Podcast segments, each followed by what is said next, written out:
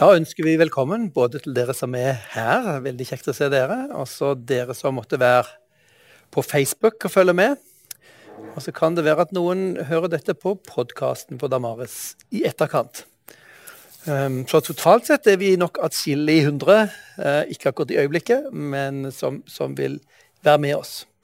Og vi er på Skeptikerens guide til budene denne våren. Vi har tatt for oss um, de ti bud fra andre Mosebok kapittel 20, og så skal vi prøve å stille de spørsmålene vi, eh, vi kan, vi kommer på, de spørsmålene som kommer fra kulturen, fordi vi, vi opplever at, at ved gode spørsmål så lærer vi noe.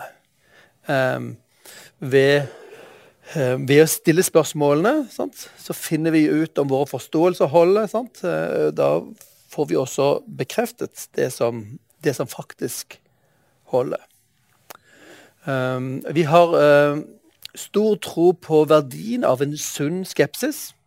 På samme måte som vi har stor tro på verdien av sunn tro. Tro og skepsis det er to sider av samme sak. Det er din tro som gjør deg skeptisk til alternativene.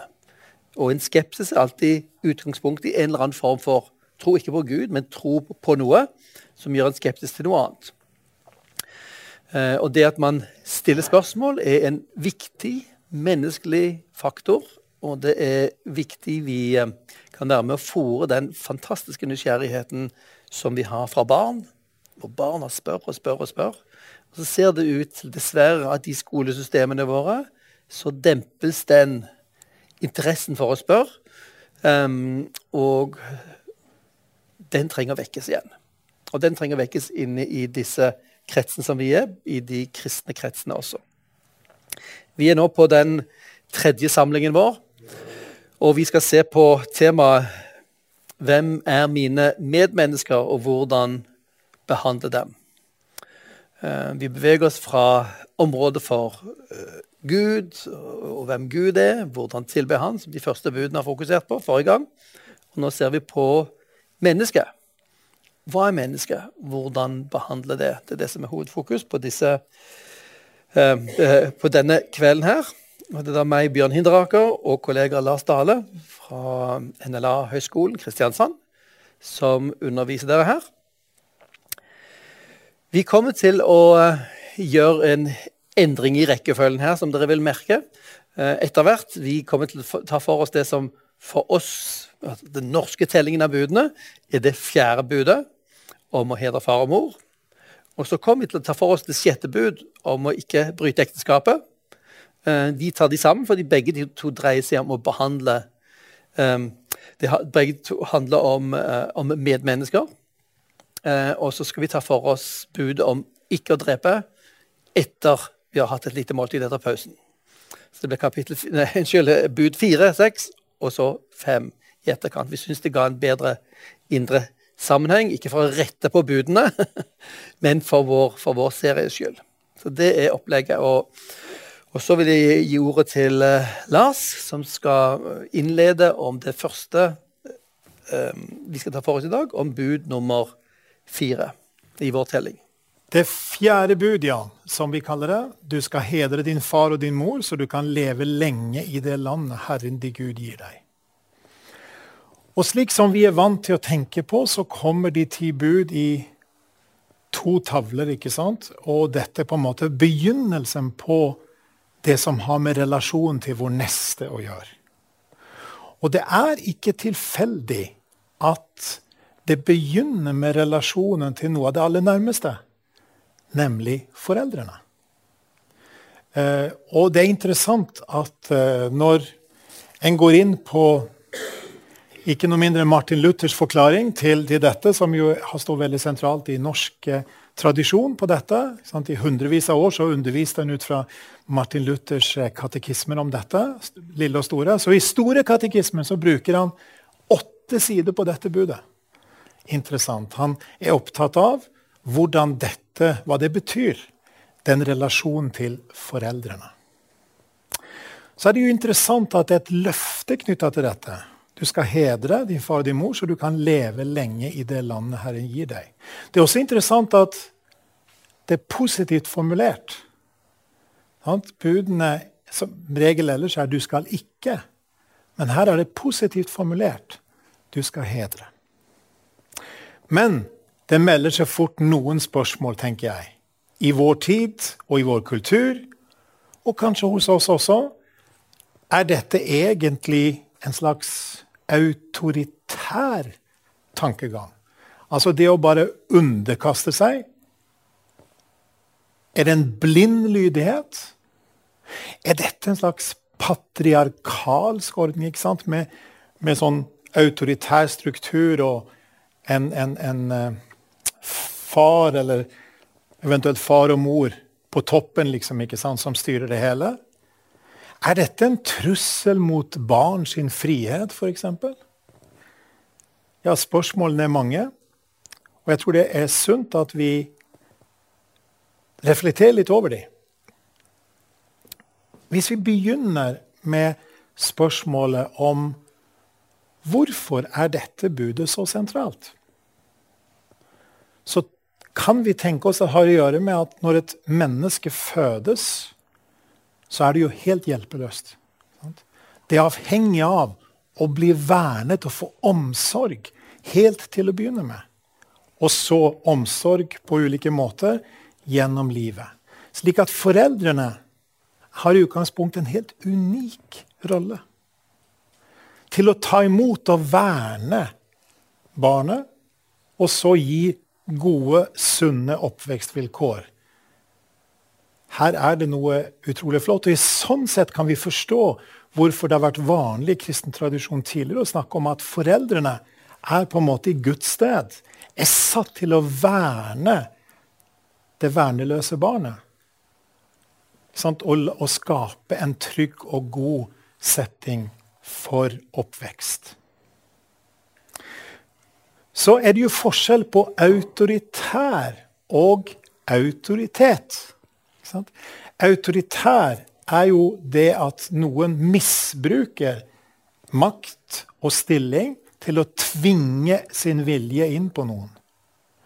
Autoritet, det kan Og forhåpentligvis er det oftest.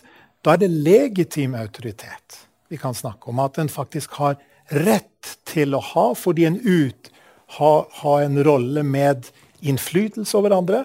Fordi en da gjør det på en måte som er til beste for den andre. Og vi kan spørre oss her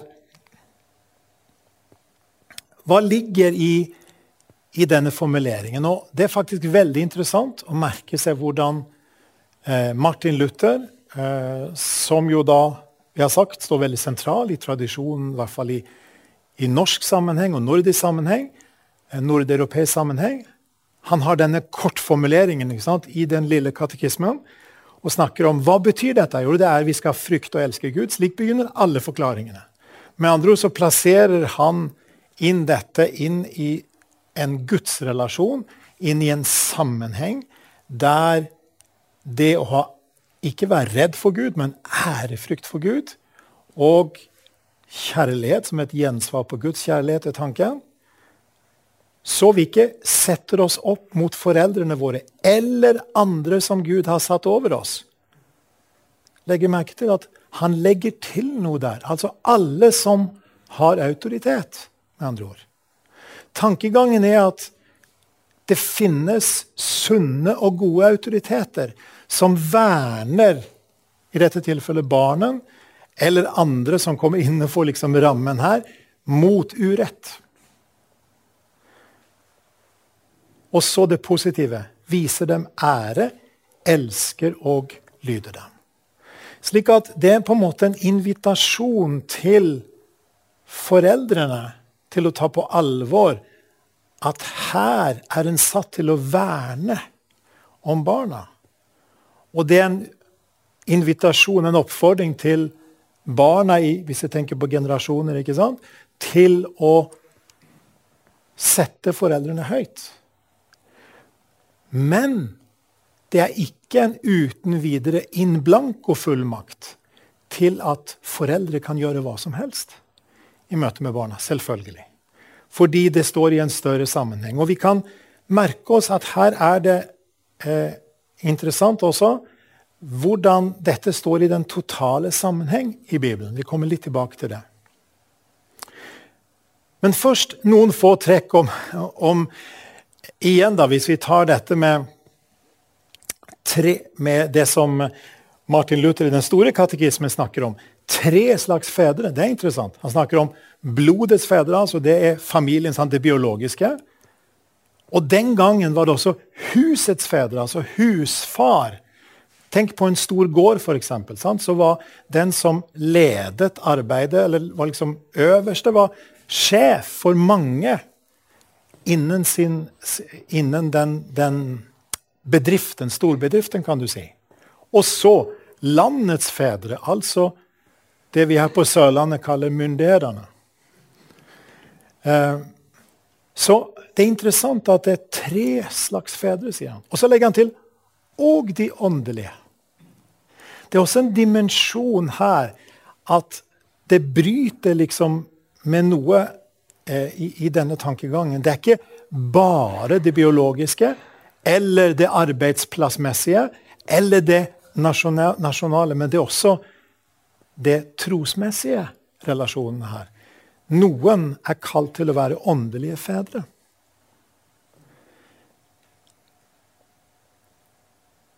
Og når Bjørn og jeg reflekterte over dette i forkant, så slo det også at veldig mye av dette koker ned til spørsmål om autoritet. Ikke sant? Autoritet. Det betyr at en har en fullmakt til å ha innflytelse over andre. En har en maktsituasjon som i utgangspunktet, hvis den er sunn, er riktig. Men den kan misbrukes.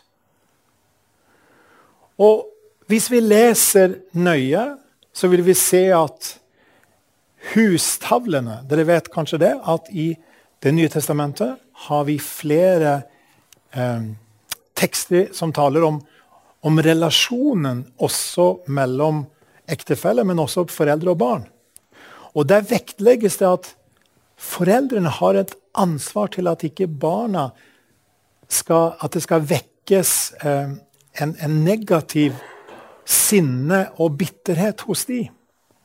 Slik at det er et ansvar ikke sant, å forvalte denne rollen. Og vi kan tenke oss, og vi vet at dette var en unik sak i den antikkens verden. Dette var ikke noe som var vanlig. Tvert imot. Hvis barna ikke adlet, så var det bare mer makt. Sånn? Da var det bare å tvinge barna til å følge. Her er det den myke, men faste autoritet, tror jeg vi kan si. Så det er det også veldig interessant hvis vi trekker linjen til ikke bare foreldrene, ikke sant? Men, men, men alle som da har en rolle som øvrighet. Jeg vet ikke om dere Husker noen av dere Rom, Romerbrevet 13, som dreier seg om øvrigheten? Og der det står uh, i det avsnittet fra Romerbrevet 13 og utover, vers 1 og utover, om at øvrighetens rolle er å være til vern for den gode gjerning. Og til skrekk og advarsel for den onde gjerning. Altså, en er satt inn med en funksjon, en rolle, et oppdrag. Og det er når en oppfyller det oppdraget, det er da en har rett til å forvente lydighet i rett forstand. Norske biskopen i Oslo under krigen, Eivind Berggrav, han skrev om dette. Um, Romerbrevet 13 sant, og øvrigheten og lydighet osv. Det var i møte med, med, med nazismens utfordringer selvfølgelig under krigen, annen verdenskrig. Og da skrev han en, en, eh, holdt en tale og skrev etterpå en artikkel ut fra det som han kalte 'Når kusken blir gal'. Hva skjer? ikke sant? Det bildet av, av, av eh, en øvrighet som er som noen som holder i ikke sant? E, et, en, et ekipasje. ikke sant? Holder i en vogn liksom, med hester. ikke sant? Men hva skjer hvis kusken som skal holde kontroll på dette, blir gal. Og det var det han beskrev. Det var det som hadde skjedd i Nazi-Tyskland. ikke sant? Og Vi kommer tilbake til litt senere i kveld i forhold til det, det, det femte bud om, om uh, liv og ta liv i, i, lys av dagens nyhetsbilde også. Uh, det er naturlig å si noe om det, selvfølgelig. Men her er det altså da en linje, ikke sant? De som er satt til å være over oss, har et ansvar å utøve sin rolle sin autoritet på en måte som er til beste for de som de skal verne. Og Hvis du tenker over det, og hvis vi tenker over det, så er alle budene har egentlig en slags rolle til å verne om noe. I dette tilfellet verner kan vi si, fjerde bud om den sunne autoritet. Femte bud kommer vi tilbake til. Verne om menneskelivet. Sant? Sjette verner om ekteskapet. Syvende sant? Verner om eiendom og, og, og rykt, nestens ære og rykte osv. Så, videre. så det er som om det, det er et gjerde rundt til å verne om noe. Første Timotius 2,1 taler om at vi har at kristne har en oppgave til å be for de som er satt til å lede i samfunnet. Igjen omsorg for øvrigheten. Og så står det noe interessant. For at vi skal kunne leve et stille og fredelig liv. Og så kommer det videre om at det bare finnes én Gud og en som er mellommann. Og Gud vil at alle mennesker skal bli frelst. Slik at evangeliets også frie løp, å si at Guds rikes utbredelse, har å gjøre med hvordan myndighetene forholder seg. Her er det en merkelig og interessant sammenheng. Det kan være naturlig også å nevne at vi lever jo i en kultur der vi Det er utfordrende for oss alle, tenker jeg. Vi snakker vi sikkert mange av egen erfaring. Hvordan skal vi forholde oss til foreldre når vi vokser opp? Og når foreldrene mister muligheten til selv å ta vare på seg selv. ikke sant? hvilken grad kan vi involvere oss? Bør vi involvere oss? Vi vet sikkert mange av oss at dette er utfordrende. Det er vanskelig å finne gode måter å gjøre det på. Men at det ligger en oppfordring til å, være, til å ha omsorg, i det minste. Og at ikke omsorgen slutter når en er blitt voksen selv som barn, det tror jeg er et viktig, et viktig eh, poeng i, i, i, dette budet, uten at vi skal lage regler for hverandre hvordan dette skal være. Men her er det noe grunnleggende. Dette budet verner om den sunne autoriteten. Det betyr at det også finnes usunn autoritet. Det finnes dessverre altfor mange eksempler på at barn har vokst opp i hjem der de ikke har blitt tatt vare på. Sant? der det finnes eh, eh alt ifra og, og, og, at, folk, at en ikke har blitt eh, verdsatt, til hele spekteret til overgrep. Sant? Hele perspektivet åpner seg opp. Og vi skjønner at dette er faktisk veldig krevende relasjoner. kan være. Samtidig som det kan være veldig gode relasjoner. Så vi trenger å løfte opp den sunne autoritet. Hva som ligger i det. Så skal ikke vi kopiere tidligere, tidligere tiders samfunnsstrukturer. Men vi kan lære av tidligere tider uten nødvendigvis å kopiere av helt. Og kanskje er det noe knytta til respekten for generasjonen over oss som vi trenger å løfte høyt. Men husk altså at hustavlene brøt ny mark i antikken ved å si at respekten skulle gå begge veier. Og det er viktig å merke seg. Det fjerde bud verner om den sunne autoritet. Fra det nære og ringene utover til storsamfunnet. over til det sjette bud. Ja, det er slik hvis du ser på rekkefølgen av budene, så ser de ut til å være fra de aller viktigste til mindre mindre vektige jo lenger ut du kommer. De begynner med Gud og hans navn og hans ære. Og så begynner de, med, nei, de budene med relasjon til våre medmennesker. Merkelig nok med relasjon til våre foreldre. Sant? Det er det første.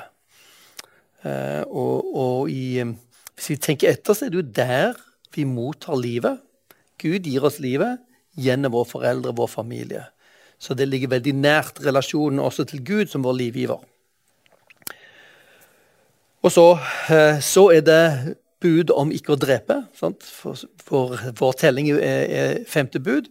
Og så kommer bud om ekteskap. Du skal ikke bryte ekteskap, som vi nå, akkurat nå skal se på. Det henger jo nært sammen for oss eh, med syn på hva familien er for noe. Og eh, når eh, du snakker med moderne mennesker i dag, så, så sier de gjerne to ganske forskjellige ting. Ja, ja, vi, eh, vi, vi, vi, vi holder fast på moralen, sant? stort sett. Jesu moral og, og, og Bibelens moral. Og det er, ikke, det er, ikke, skjedd så veldig mye. På den andre siden sier man nei, det er en gammeldags moral. Du hører begge stemmene i dag. At det ikke skjedd så veldig mye, og at det er helt gammeldags av, av, avdanket. Og det er jo slik at Hvis du begynner, begynner å se på budene, så, så, er det noen bud som utfordres mer av vår tid enn andre.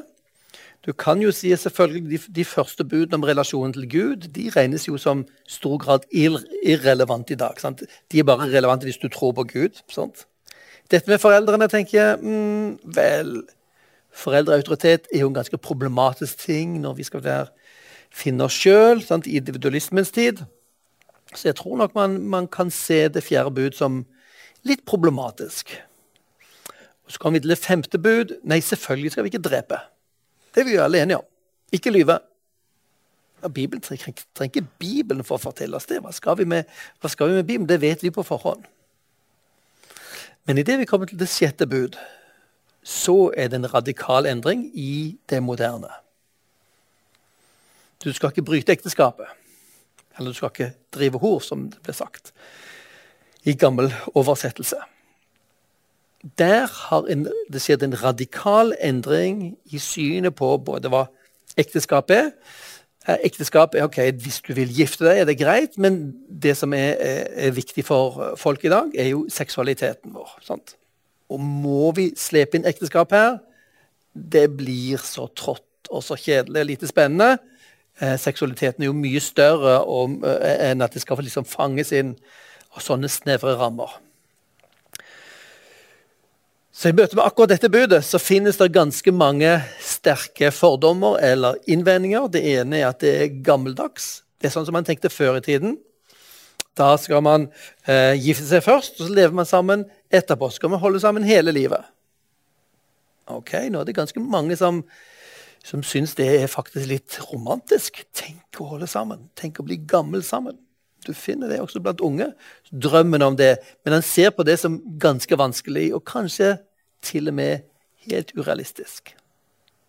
Hvordan, da, hvordan skal vi greie å ikke vokse fra hverandre ikke bli lei hverandre? For svært mange så, så vil eh, eh tanken om ekteskapet som rammen for seksualitet ses på som ekstremt snevert.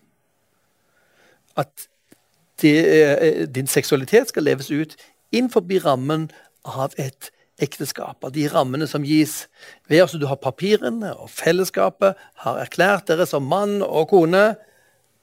Og Der hører seksualiteten til.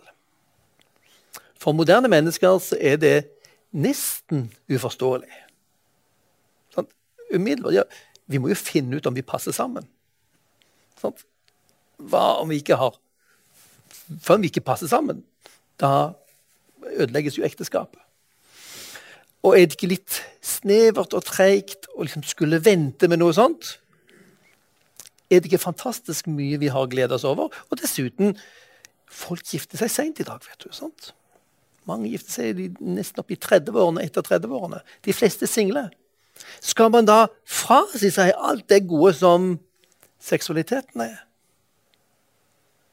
Se på seriene dere ser på, på TV. Uh, Friends er jo en gammel serie nå, sant? men mange av disse seriene er det bare en helt selvfølge at det å, um, det å være sammen, det å ligge sammen, det å dele seksualiteten sammen, det er en, en, av de tingene som er en av selvfølgelighetene. Og som vi vet også, også selv i film blir nesten alltid litt mer komplisert enn man forventer. Men det er en, det er en selvfølge. Men det, det, kristne synet synes å være snevert, og det synes å være svært hemmende. Skal jeg parkere den siden av livet mitt?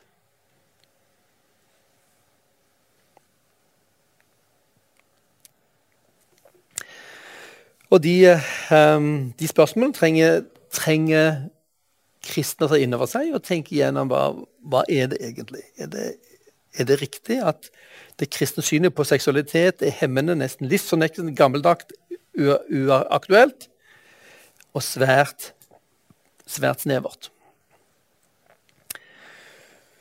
Vel, man kan diskutere det. Da må man også diskutere hva er det moderne synet hva er konsekvensen av det moderne synet? Er det moderne synet som vi, som vi kunne kanskje beskrive som ja, har du lyst til å ha lov, hvis du ikke skader noen, så kan det jo ikke være galt. Det er det moderne synet på seksualitet. Er det et syn som gjør oss lykkeligere? Det er det som har preget det moderne Vesten i de siste 50 årene. Vi ser hva som skjer i relasjoner, i, i, i ekteskap, med familie med avhengighet, med, med pornografi Med alle, alle typer ting som, som, eh, er med å ødelegge samfunnet vårt um, med dette synet. Så syns kanskje noen at dette gamle synet på ekteskap fortsatt er langt unna. Men jeg tenker det er viktig at vi spør oss hva er seksualiteten. Vi trenger å gå ned til ikke bare spørre om grensene, og Der var, var de kristne konservative gruppene veldig flinke for noen år siden. 10-20-30-40 år siden. Jeg snakket om verdt å vente på osv. Disse grensene. Um, det som vi også trenger å snakke om, er jo Men hva er seksualiteten? Hva er det for noe, dette her? Det er det dype spørsmålet. Er det bare snakk om nytelse? Er det snakk om forplantning? Og ganske mange vil jo parkere forplantning, for det er heller prevensjon man er opptatt Hvordan skal vi unngå å bli gravide? Sånn at man står igjen med nytelse hvis det er noe jeg har glede av, hvis jeg bare ikke skader meg selv eller andre. Og det moderne perspektivet stopper jo egentlig der. Seksualiteten ja, det er mye glede av dette. her. Det er sånn vi er. Det bare er sånn. Og her er det en kilde til mye glede. Er det alt om seksualiteten? Eller er seksualiteten også noe mer? Er det også en pakt mellom to mennesker som binder seg til hverandre sex gjennom seksualiteten? Og Det er den kristne fortellingen om seksualiteten. At seksualiteten er ikke bare en fysisk handling. Det er bånd som skapes. Det er slags hellige bånd som skapes. Ehm, og det ser, vi, det ser vi også gjennom den smerten som seksualiteten gir. Når vi, når, vi, tråkker over andres grenser, når båndene som vi har skapt, brytes, så stikker det veldig dypt hos oss. Det kristne synet på seksualiteten er at seksualiteten er en, en hellig handling som hører til i en sammenheng hvor man gir seg til hverandre, hvor det er, oppslår en pakt, en slags kontrakt, uh, uh, hvor vi sier at vi tilhører. Og Det er derfor også dette med, med når, man, eh, når man gir seg selv til mange, så er det det grunnleggende bruddet med akkurat denne måten å forstå det på. Vi er ment å tilhøre én på samme måte som med Gud. Vi er skapt for Gud. Er vi ment å tilhøre Han. Og så vet vi også at, at livet er jo ikke så enkelt. Det er vanskelig å leve som moderne mennesker. Og det må vi også tenke igjennom. Her er vi I første omgang så snakker vi om eh, syn på seksualiteten og hvordan vi skal forstå det. Um, du skal ikke bryte ekteskapet, blir, tar Jesus videre. Vi ser at Det gamle testamentet er en slags skygge, de ti bud en slags skygge av et større ideal. Som er atskillig mer alvorlig. Og som faktisk er mer alvorlig enn bare syn på, på fysisk kontakt, sånn, seks, eh, seksuelle handlinger. Du har hørt det sagt, sier Jesus. Du skal ikke bryte ekteskapet. Men jeg sier dere, den som ser på en kvinne Kan også være motsatt vei, selvfølgelig. Um, den som ser på en kvinne for å begjære henne, har allerede begått ekteskapsbrudd med henne i sitt hjerte. Og det er en utfordrende sant? Det er en utfordrende ting. Og Jesus formidler dette til de i sin samtid, hvor de tenkte ok, hvis vi bare holder oss på matta og ikke bryter ekteskapet rent fysisk, så er vi, er vi på rett sted. Vi er rettferdige fra Gud. Og så kommer Jesus og sier at dette budet betyr egentlig også i ditt sinn skal det være rene. Det er der det onde begynner i vårt sinn. Der begynner mord og hat og forakt. Der begynner også begjæret og eh, ekteskapsbruddet. Og her, Det står altså som ser på henne for å begjære henne. Det er ikke bare det å, å, å kjenne noen som attraktive. sant?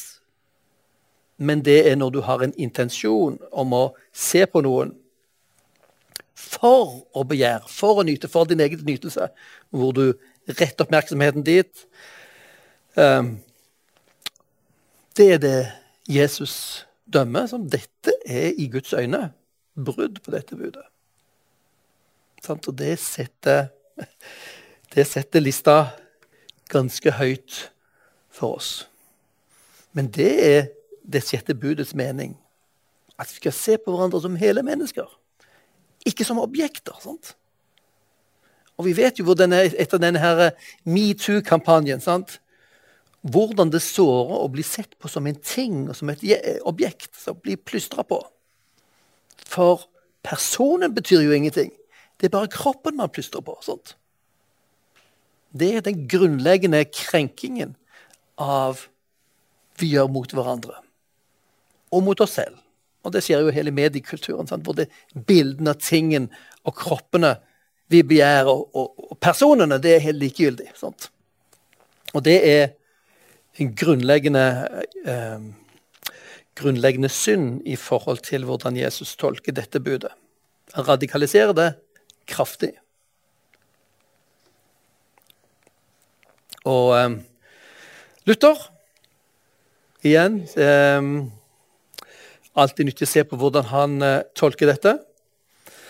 Han sier det du skal ikke bryte ekteskapet. Det er vi skal frykte og elske Gud, så vi lever et rent liv i tanker, ord og gjerninger. Så kan fange opp dette her i tanker, i ord hvor vi snakker om dette, og i handlinger. De tingene hører sammen. Det er også sånn Måten vi snakker på, er med på å, å eh, er med på å fremme de tingene hvor, hvor muligheten for å krenke hverandre um, uh, ligger for hånden. Ektefolk skal elske og ære hverandre. Det er interessant. Det er ikke bare 'du skal ikke gå fra meg'. Sant? Skal elske og ære hverandre. Hvis du leser igjen disse, disse, berømte hustavlene. Som, det var ting som, som man hadde i, i, i, Hellas, i den greske kulturen, mange mange hundre år før Jesus, hvor, hvor husfaren lærte seg hvordan han skulle styre huset sitt. Sant? Hvordan han skulle styre kona og barna og tjenerne. Um, og vi ser det Paulus gjør når han tar hustavlene. Han tar Aristoteles, greske uh, utsagnet, og så føyer han på noe. Det han føyer til, er helt unikt. Sant? Hvor det står 'kvinnen skal respektere sin mann'. står det. Og i, i den greske kulturen så hvis hun ikke gjør det, så må du få henne til å gjøre det. Om så med slag. Sant? Skap respekt. Det som, står, det som Paulus sier. Altså, eh, eh, kvinnen skal respektere og ære mannen. Mannen skal elske sin kone som Kristus elsket menigheten og ga seg selv for ham. Elske og ære. De to ordene går sammen, og de er gitt oss til begge. Som, eh, som gir jo egentlig lite bilde av hvordan vi skal forholde oss til hverandre som medmennesker. Vi skal elske hverandre, vi skal ære hverandre. Det skjer i et minikosmos i et ekteskap, for vi vet jo hvor utfordrende det også er I, i hverdagen. Men det er idealet. Og så må vi finne tilbake til hverandre, og vi må be om tilgivelse. Sant? Vi må stadig strekke oss etter å leve etter dette. Det er Martin Luther sin lille katekisme. Du skal ikke bryte ekteskapet for dette budet. Og det dreier seg, Dette budet er ikke bare for de som er gift. og Det er også en ting som jeg hørte for en god del år siden. ja, dette ekteskapet, dette budet gjelder seg kun de som allerede er gift. Hvis ikke du er gift, det er ikke noe ekteskap du bryter. sant? Før du er gift, så er du fri til å gjøre hva du vil. Når du er gift, da er du forplikta. Det, det, det, er et brudd med den, den kristne forståelsen av ekteskapet. Det er her seksualiteten hører til. Sant? Og når, når, vi har seksuelle forbindelser med mennesker, så binder vi oss til hverandre på en måte som aldri var ment å løses opp. Sant? Derfor trenger vi gode, sunne rammer for dette. Det er den kristne, gode fortellingen som vi, eh, som vi ønsker å formidle til verden og til hverandre. Nå har vi snakket om bud nummer fire og bud nummer seks. Og nå tror jeg det er tid for å høre på noen spørsmål, innvendinger og tanker. Um, vi skal etter pausen ta for oss bud nummer fem. Du skal ikke slå i hjel, som er særdeles relevant nå i møte med krigen i Ukraina. Sant? Um, men la oss, la oss, ta opp uh, spørsmål dere nå måtte ha til, til alle disse budene, eller til, til, budene generelt, før vi tar pause. Ja, da har vi mulighet til å tenke litt høyt sammen, om det er noen tanker dere har uh, på det som er formidla så langt. Uh, og det kan gjelde også de andre budene, selvfølgelig mens uh, mikrofonen gjøres i stand, bare si at ja, an, vi anbefaler virkelig å igjen finne frem, uh, eller for første gang, Martin Luthers lille katekisme. Det er altså gull verdt. Disse korte formuleringene, ikke sant? sånn som f.eks. denne. ikke sant? Det er helt genialt. Og dette var jo opplæring sant? i både hjem og familie og menighet. Eh, og det er, ikke det, det er ikke noen feilfrie formulering, selvfølgelig, men de er slitesterke, og det har eh, mye å gi oss. Og bare det faktum at det både, sant, det er både grensene som tegnes opp her, om et renhet i livet, og det er hvordan skal vi fylle de grens, fylle rommet innenfor grensene? Jo, med å elske og ære hverandre. Og sånn kan vi se det bud etter bud, så er det både grensene og hva som skjer innenfor de grensene. Så det er noe vi ønsker å vektlegge gang på gang i budene. At budene setter eh, Budene setter noen grenser, og innenfor de grensene så er det, for å sitere Jesus, liv og overflod.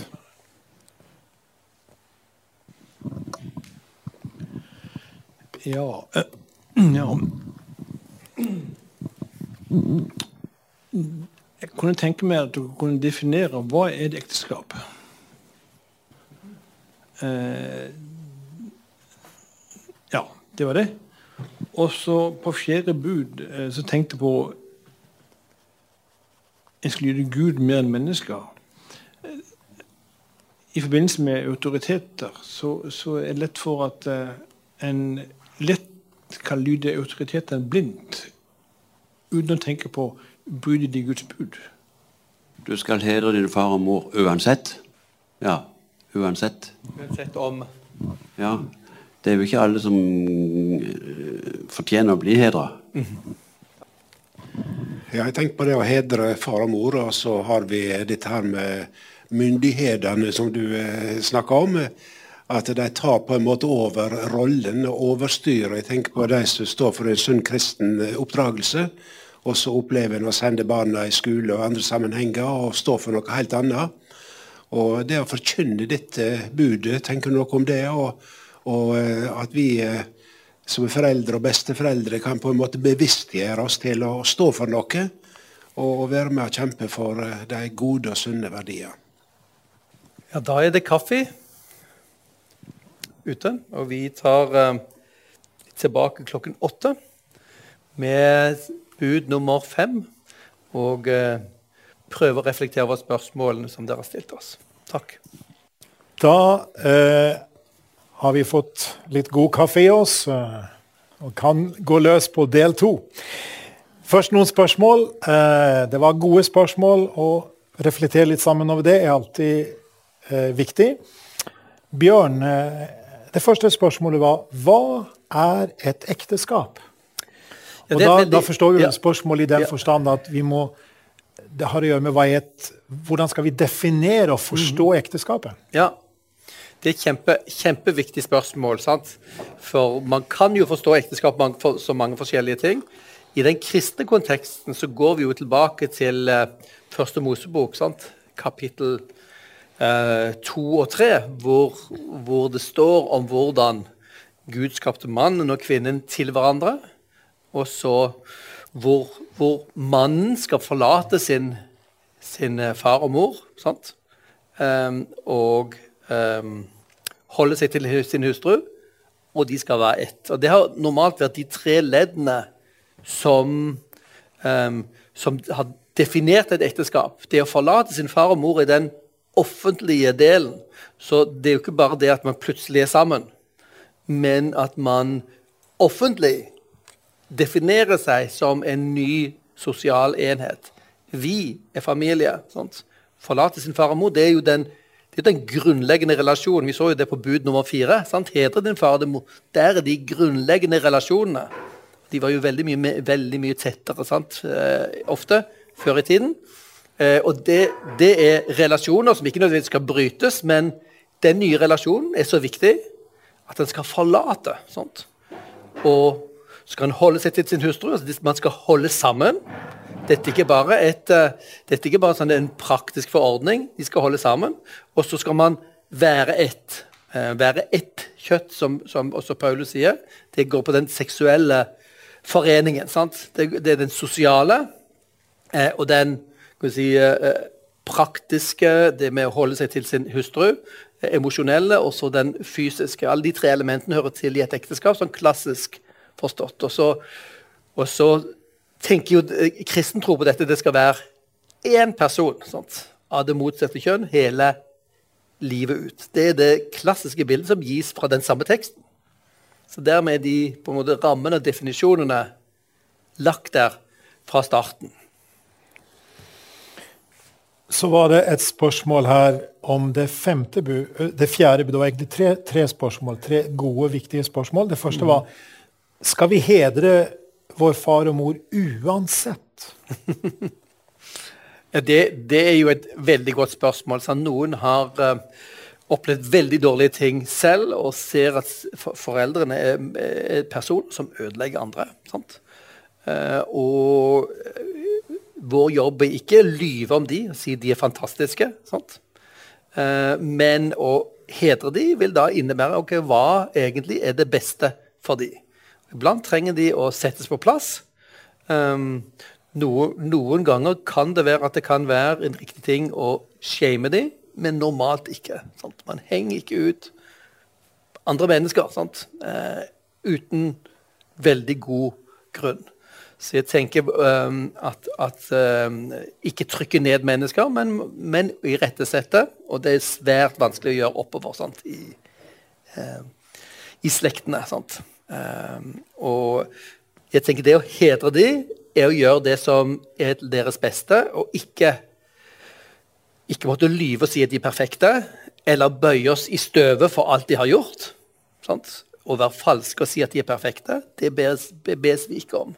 Men hvordan kan vi best ivareta de og deres liv sånn som de er? Kan vi reflektere videre og, og si at det er viktig at vi har et realistisk syn på oss selv? Enten vi er sant, barn i en relasjon, eller foreldre i en relasjon, eller besteforeldre eller tante og onkler. ikke sant? Men også et realistisk syn på de andre. Og da er det sånn at alt vi gjør, er ikke bare godt.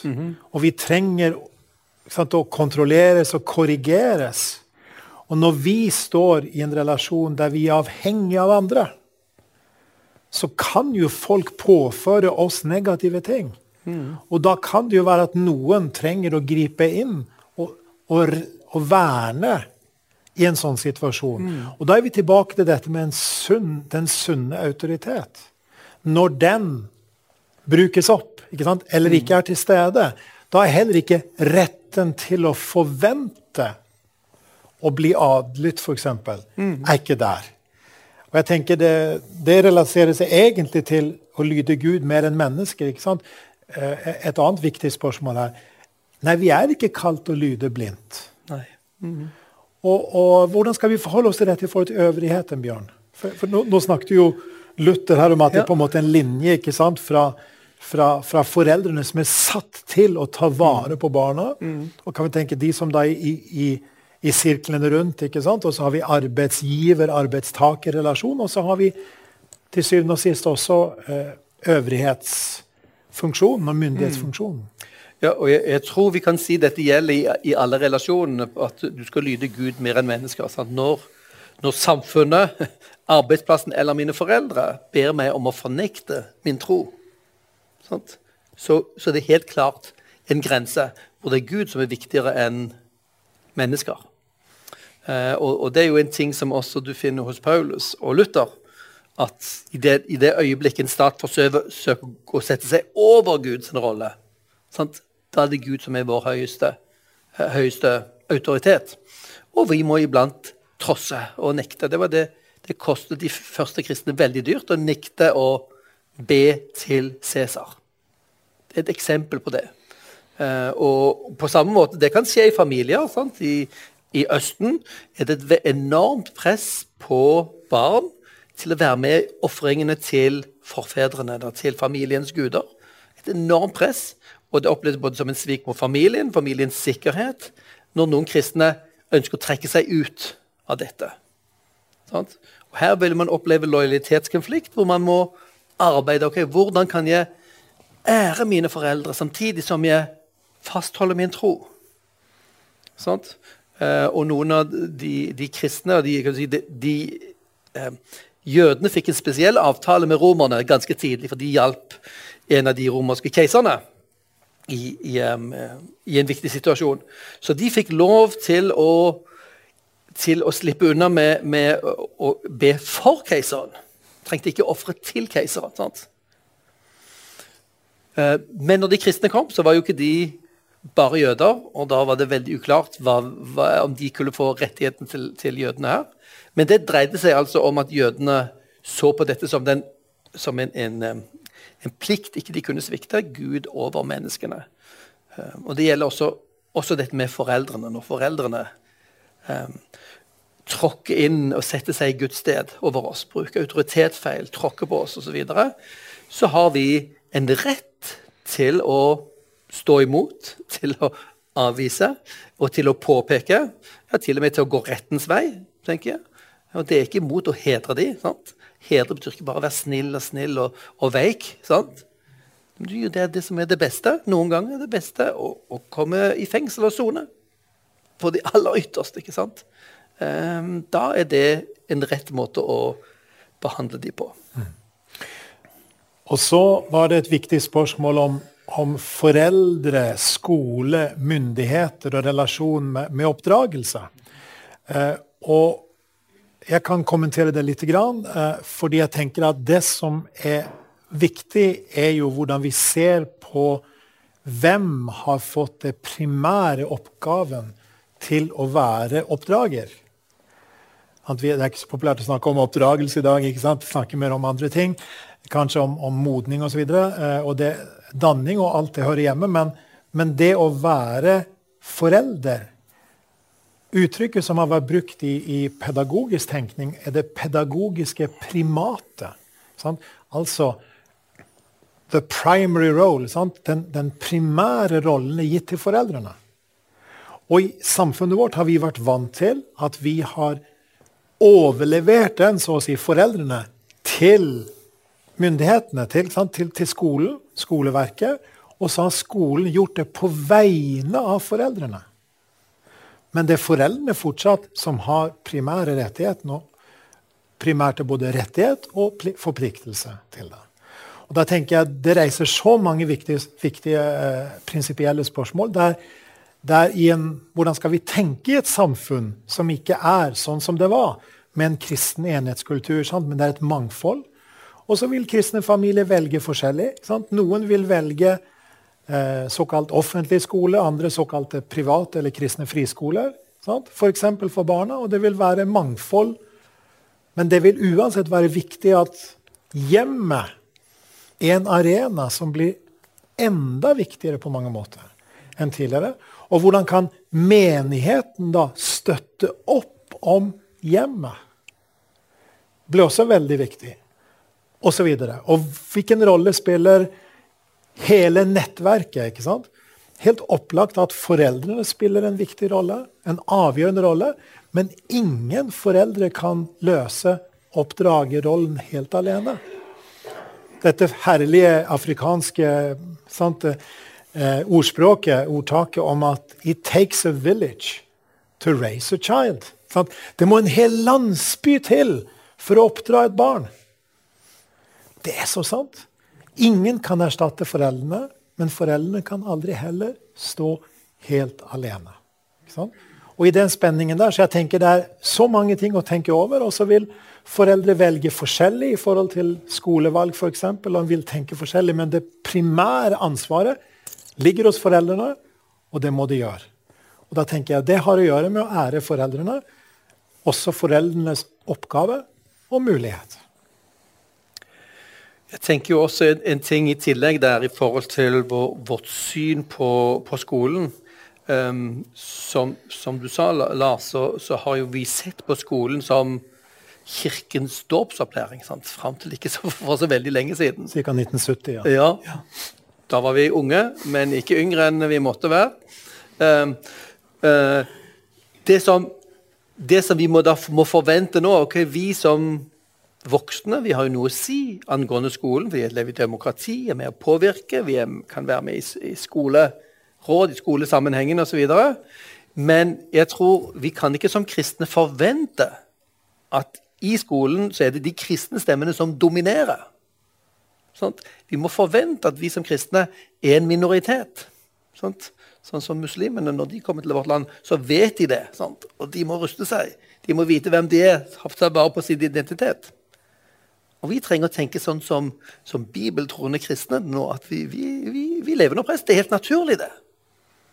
det. Det som er unaturlig, er å ha en kristen kultur som vi har hatt kristeligaktig kultur som vi har hatt i mange mange hundre år i Norge. Det er det, det, det eksepsjonelle. Nå er vi tilbake igjen til normaltilstanden, hvor det å være kristen er en minoritetsting. Da må vi finne ut hvem vi er. Eh, og, og, vi må ta ansvar for oss selv og våre barn. Eh, og ruste de for skolen. For å avrunde eh, med bare en, en, en tilleggsrefleksjon der, så vi er samtidig privilegert, tenker jeg, i, i, Norge fordi en har blitt enig om et ideal. Ikke det at en nødvendigvis lever i pakt med idealet alltid, men dette tanken om det livssynsåpne samfunn. Ikke sant? Når kirke og stat skilte lag i, i 2012 formelt, så var jo spørsmålet både hva Den norske kirke skulle bli. Sant? Det ble en, en, en nasjonal folkekirke. Og så var spørsmålet hva samfunnet skulle bli. Og da definerte en at jo, idealet var det livssynsåpne samfunn. Med andre ord åpenhet om hvem vi er. Og da er det jo naturlig at vi som kristne også, på lik linje med andre, har mulighet til og rett til å si hvem vi er. Men vi må samtidig ivareta andre menneskers rettigheter og forvente at de ivaretar våre. Og i den situasjonen er vi i dag. Og uh, Helje Kringlebotn Sødal, uh, professor på Universitetet i Agder, uh, veldig dyktig eh, kristendomshistoriker, heter det faktisk. Hun har skrevet en, en, nylig en bok som er veldig interessant, som heter 'Fra selvsagt tro til mangfold'. Som beskriver situasjonen fra 1800 til i dag. Kristen tro var selvsagt, og i dag er det et mangfold. Det er veldig godt sagt, med få ord. Fra selvsagt tro til mangfold, som også har å gjøre med oppdragelse, skolegang, verdier. Alle disse spørsmålene. Da, Bjørn, hvis du begynner på Ja. Vi, uh, vi, skal se på bud nummer fem. Du skal ikke slå i hjel. Mot drap og mord, det er jo de fleste av oss trenger jo ikke Bibelen til å fortelle oss dette. her. Sant? Så hva skal vi med de ti bud? Du skal ikke slå i hjel. Ja, det vet de. Du skal være snill og grei. har vi lært fra Kardemommeby. Men jeg tenker det kan være en viktig ting å gå en runde til med oss selv her nå. Um, for hvis Gud ikke finnes Sett for deg Se for deg at det er ingenting som heter Gud. Gud er, noe som mennesker har skapt, en idé som ikke finnes i virkeligheten. Hvis de da skal tenke på mennesker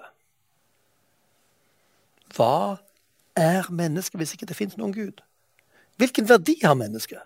Er ikke vi bare et produkt av evolusjon? Mer eller mindre tilfeldig. Og akkurat nå så ser det ut som vi er de mest skyldige i å ødelegge denne planeten. Vi er de minst ønskede her. er De mest problematiske. Hvilken verdi har mennesket? Vi lever også i dag i, i, i et dilemma her med, med, spørsmål om når begynner livet. Vi, vi, vi, dreper jo ikke, men hva, når begynner egentlig livet? Er det 12 uker? Nå skal vel det 18 uker? Er det 22 uker? Er det 9 måneder? Fødsel? En veldig kjent filosof som heter Peter Singer, en ateist med, med jødisk etniske røtter, han sier eh, veldig radikalt ideen om menneskeverd er religiøs og må forkastes. Vi kan ikke si at mennesket har verdi i seg selv mennesket har relativ verdi. Så når han foreslår at menneskets verdi er basert på evne til selvbevissthet og tenkning, så vil du si at nyfødt barn har jo ikke det. Så han har foreslått eh, muligheten for å kunne ta liv, det vi kaller abort, inntil ett år etter fødsel. Det er veldig logisk hvis du, hvis du tar hans forutsetning. Så vårt spørsmål er hvor begynner et menneskeliv? For det første, det var det verdt. Ja, hvor begynner det egentlig?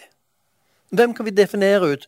Når slutter menneskelivet? Hva når, sånn som også var Peter Singer sin utfordring, når mennesker med Alzheimer som mister sin evne til tenkning og, og, selvbevissthet Deres verdi vil synke ganske rakt nedover de store apene som er svært intelligente. Sant? Fort nedover til andre lavere dyr. Synke i verdi. Hva med livets slutt? Og hva når, når vi blir ordentlig gamle i, um, i, vårt samfunn? Og det kan det se ut som noen, en god del i vår generasjon blir. Vi har spist så godt og levd så sunt at vi nekter å dø. Og så har du en svær andel av folket som er svært gamle, og som ikke jobber, og som bare en belastning. Noen som etter hvert fyller sykehjemmene. Etter hvert for en stor del av oss Alzheimer. Det skal svært høyt menneskesyn til for ikke å fristes til å rydde litt opp i sykehussengen og gi flere plass. Sånt. De som bare ligger og er belastning. Så når slutter livet, har mennesket noe absolutt verdi. Eller kan vi ordne og rydde litt opp um, uten at det blir så store bølger av det? Og hvem er egentlig min neste? Er det slik at uh, alle folk og alle mennesker er det samme? Hva med mine fiender. Det har ikke vært den vanlige oppfatningen de fleste kulturer i verden. De ser på sin egen stamme, sin egen gruppe, som den viktige, som den vi må være, høre til og verdsette. Og så ser man på sine fiender som noe annet. Nemlig som sine fiender. Som farlige og som, som iblant av mindre verdi. Så det er de store, store spørsmålene. Uh, hva gir mennesket verdi? Hvis du kobler vekk Gud. Så hvis du stiller eh, spørsmålet hvorfor skal vi ikke slå i hjel, så vil en moderne etikk ofte gå i retning av en slags nytteetikk. Vi kaller utilitarisme som, som, hvor, hvor, dette her med å, å, være til nytte eller ikke er hovedbegrunnelsen. Det er svært viktig i politikk. Spør hva er nyttig, hva er best for samfunnet. Når Bibelen snakker om mennesker, hvorfor vi skal ivareta menneskelivet, så det er ikke på bakgrunn av en, en tanke om at det er best for samfunnet, men det er en helt annen begrunnelse for menneskets verdi og for ikke å drepe. Nemlig mennesket er skapt i Guds bilde. Mennesket er et slags bilde, eller en slags statue, som ligner på Gud. Det er ikke Gud, men ligner på Gud. Og på, skal det herske på vegne av Gud resten av skaperverket. Har fått en unik rolle, unik betydning, en unike evner, og dermed også en unik verdi. Det er det bibelske utgangspunktet for ikke å slå i hjel, fordi mennesket er verdifullt. Og Gjennom dette kristne synet på mennesket, at fordi vi er skapt i Guds bilde Derfor står vi over dyrene. Sant? En hund, ikke engang sjimpanse er skapt i Guds bilde, selv om de er svært intelligente. Vi skapt i Guds bilde, har spesielt ansvar, spesielle evner, spesiell verdi, og vi har lik Mennesker har lik verdi. Vi er som, som mynter. Sant? som er stemplet med det stempelet på mynten som gir oss verdien. Om mynten er sliten, slitt eller helt blank, så gjør det ingenting for, for myntens verdi. Vi har en iboende verdi, og slik snakker mange moderne humanister. Mennesker har en iboende verdi. Hvis du fjerner Gud, hvor bor denne verdien? Hvordan kan man si at mennesket har en iboende verdi? Det kan man si hvis mennesket er skapt i Guds bilde så hører det i den pakken at vi er mennesker, at vi er avbildninger av Gud. Og ingen kan ta det fra oss. Hvis du fjerner Gud, hvor blir den såkalt iboende verdien? Og lik verdi er også en del av det kristne perspektivet. Konge og hattemaker. De er begge skapt i Guds bilde. Begge like høyt elsket av Gud. Begge har ansvar. De har ikke samme roller i samfunnet, ikke samme rikdom, men de har ytterst sett samme verdi. og Det er derfor også det kristne fellesskapet av de første kristne, hvor, hvor, slaver og herrer, kvinner og menn, mange ulike etniske grupper, kunne samles, tilbe den samme herre. En ting som ikke var sett tidligere i verdenshistorien. Hele menneskeheten, ulike grupper, samles rundt én herre. Vi har lik verdi. Ingen har fortrinn for Gud. Og dette, dette, gjør det bibelske synet på medmennesker ganske unik. Vi kan, vi kan se dette her uh, anvendt i praksis uh, igjen hos Jesus, hvor, hvor, igjen kan vi si at, at uh, du skal ikke drepe, er skyggen, realiteten det som Jesus kom med, som er, som er atskillig mer radikalt. Um, før vi, før vi, nevner det verset fra, fra Matteus, hvor Jesus snakker om, om, dette med drap, så kan det være nyttig å påpeke at du skal ikke slå i hjel. Det er ordet for 'slå i hjel' der. Det er mord. Det er ikke å ta livet av noe. Sånn du tar livet av et dyr eller tar livet av et menneske, det er et helt annet ting. Det finnes situasjoner hvor, hvor eh, det å ta livet av et menneske kan rettferdiggjøres, som med dødsstraff eller krig. Du kan ta livet av et dyr ved ofring. Det er ikke å ta livet av her, men det er mord, som betyr når du dreper noen uten å ha rett til å gjøre det. Det er det, det, er det som det betyr her. Eh, grunn, grunnordet. Og Da er det viktig å vite nettopp hvorfor ikke vi skal slå i hjel, og hvem er det vi ikke skal slå i hjel. Og Det er svært interessant å se ganske mange moderne mennesker som er veldig opptatt av moral og etikk, og miljø og dyr. Um, vegetarianisme og veganisme eh, vokser.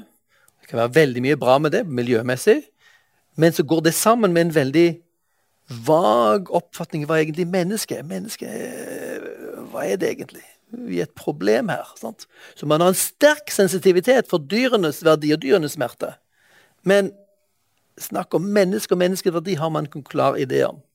Og her er det den kristne arven som er svært viktig, og har vært det helt grunnleggende i den, i, i den vestlige historien. Og etter hvert også FN, som vi skal komme tilbake til om et lite øyeblikk. Dette synet på du skal ikke drepe du skal ikke slå i hjel Det eh, anvendes av Jesus sant? og intensiveres. Hvor Jesus sier dere har hørt det jeg har sagt, du skal ikke slå i hjel. Men jeg sier dere, den som sier til sin bror 'Raka', din tosk, din dumrian, din nok sagt Han skyldig til helvetes ild. Det er i vårt hjerte når vi begynner å se ned på mennesker. Det er der mordet begynner. For vi, begynner, vi fratar det mennesket dets verdi og legitimitet i vårt hjerte. Sant? Det åpner veien for ondskapen som ligger i veien i, i, i retningen av drapet, som er den praktiske anvendelsen av dette. Det å snakke ned andre mennesker, det er en krenking av dem. Og det å tenke det også, sant, er ille. Og vi kan jo her tenke på, på, sosiale medier. Hvordan vi snakker, hvordan vi snakker til hverandre. Ganske ofte på, på veldig nedrakkende måte. Um, som er uh, en, uh, en, måte å hvor vi øver oss på å se ned på, på mange mennesker. Og da bryter vi egentlig dette budet. De er våre medmennesker her, de skapte Guds bilde. De kan være uansvarlige og, og um, ta feil, men de er ikke verdiløse. Det som er interessant, at uh, dette budet om, om ikke slå i hjel og ikke drepe, det er i Bibelen, både i Gamle testamentet og Nytestamentet, koblet opp til en positiv ting. Sant? Du skal ikke drepe, når du ser mennesker som er i nød, som er i ferd med å miste liv og livsgrunnlaget sitt, og du har ressurser for å hjelpe dem Hvis ikke du hjelper dem, så er du skyldig i deres død. Sånt. Og Det finner vi i Johannes 3, hvor han sier hvordan, hvordan kan det være slik når vi ser et menneske i nød, og vi lukker vårt hjerte, hvordan kan vi ha kjærlighet til Gud? Sånt. Og tanken er jo at det å ikke drepe er jo en mye dypere sannhet i at vi må ivareta våre medmennesker. Sant? De står ansvarlig, også praktisk. Dette ligger til grunn for den si, kristne etikken som vi finner i den vestlige historie. Omsorgen for de svake og de fattige. Um, og her kanskje du, Lars, kunne kommentere noe nå. Vi, i moderne tid har vi noe som heter menneskerettigheten, menneskerettighetene og erklæringen om menneskeverdet.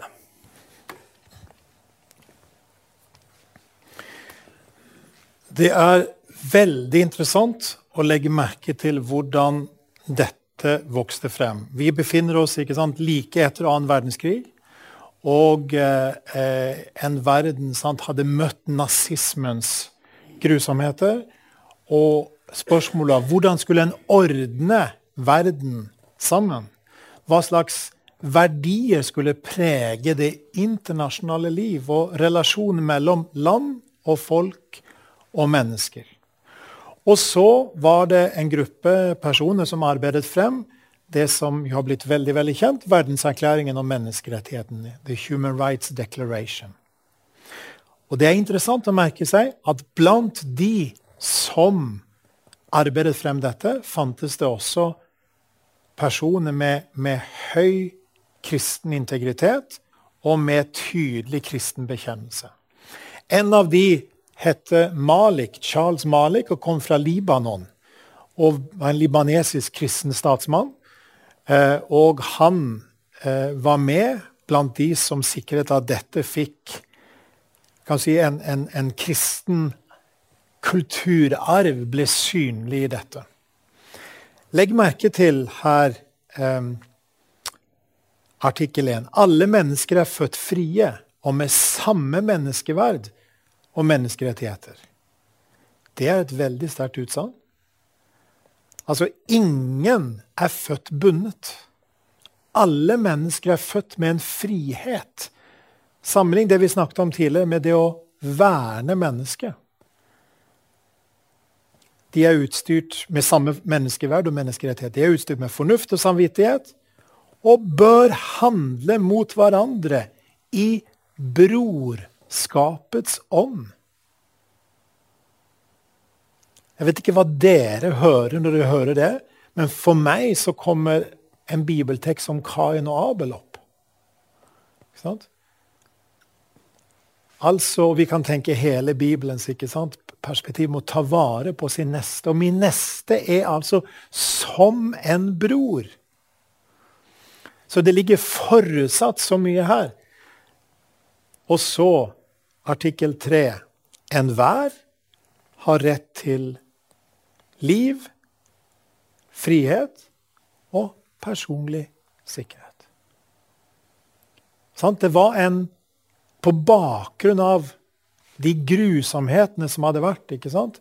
det forbrytelsene mot menneskehetene, menneskeheten som hadde preget særlig nazismen, men også kommunismen, selvfølgelig under respektive henholdsvis Hitler og Stalin, ser vi at her er det et forsøk på å si noe som en da ønsket at folk skulle slutte seg til. Land og, og, og, og eh, eh, enkeltmennesker. Det er jo slik, som dere kanskje vet, at i dag er menneskerettighetene inkludert og integrert i norsk lovgivning som forpliktende.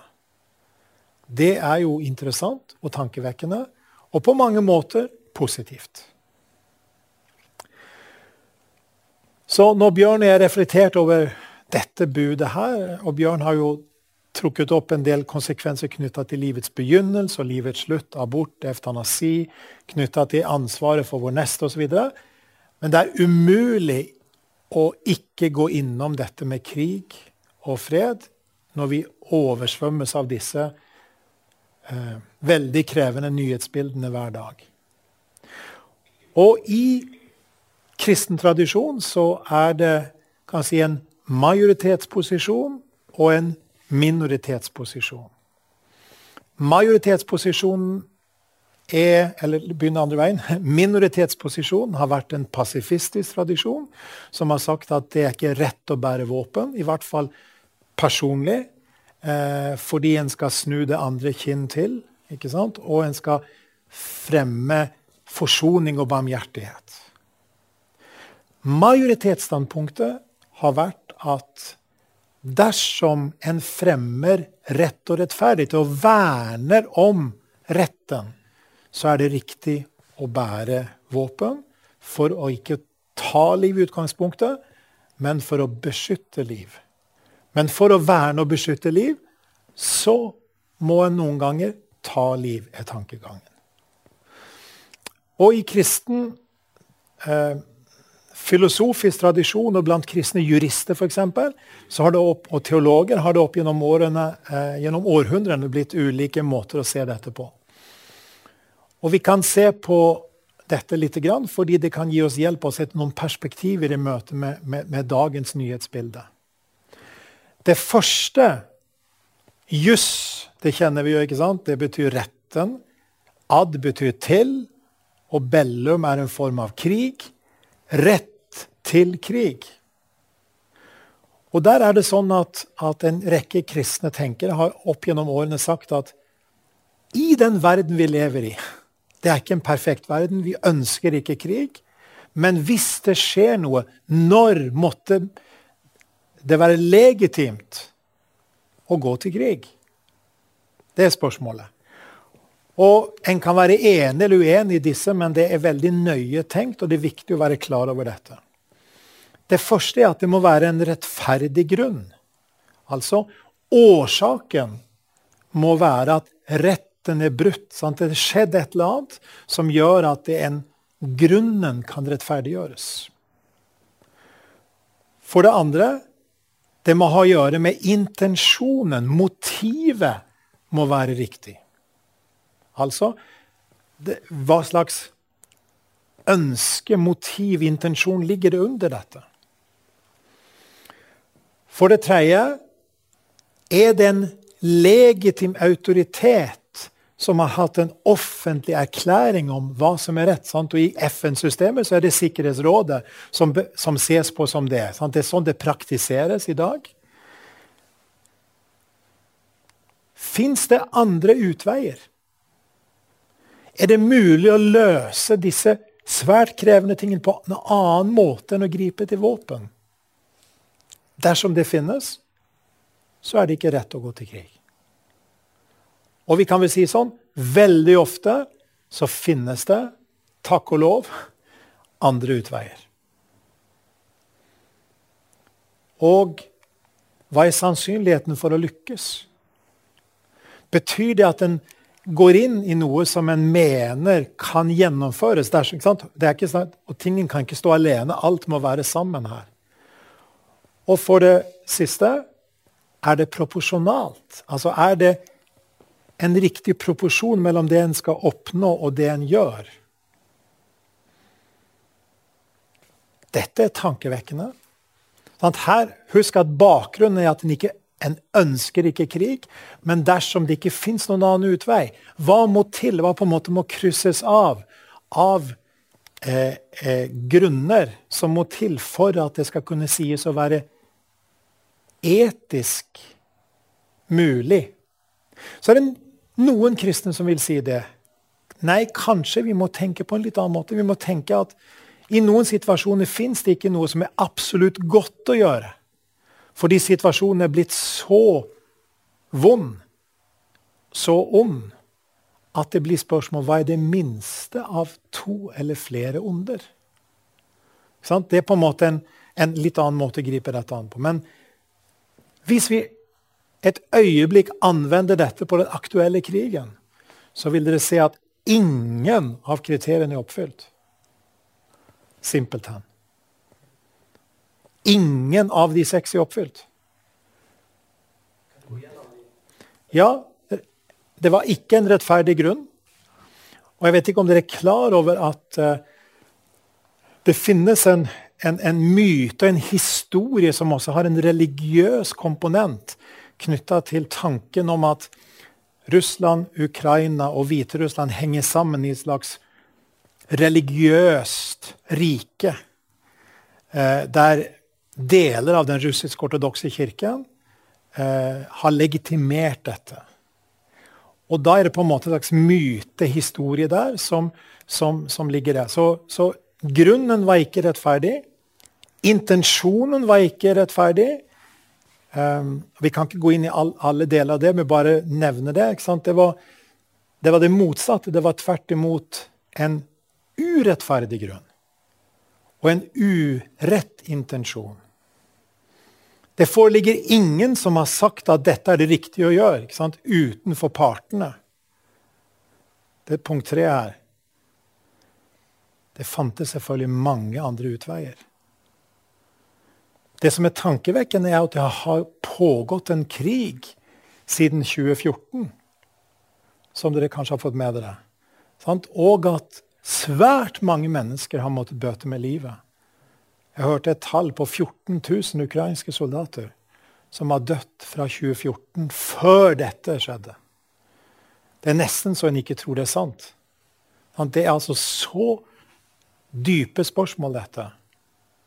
Men ser dere også at her er det sannsynligheten for å lykkes.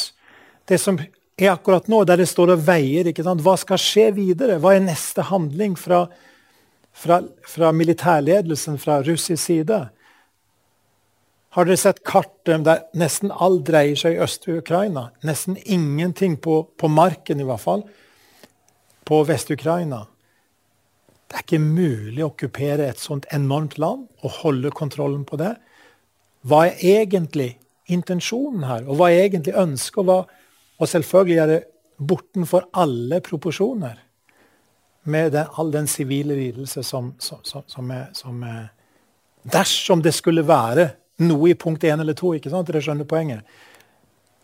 Så her har kristne tenkere prøvd å si i en verden der livet er krevende, der ofte dukker opp i vanskelige dilemmaer, hvordan kan vi begrense det onde? Det er spørsmålet. Og Da er dette en måte å tenke på.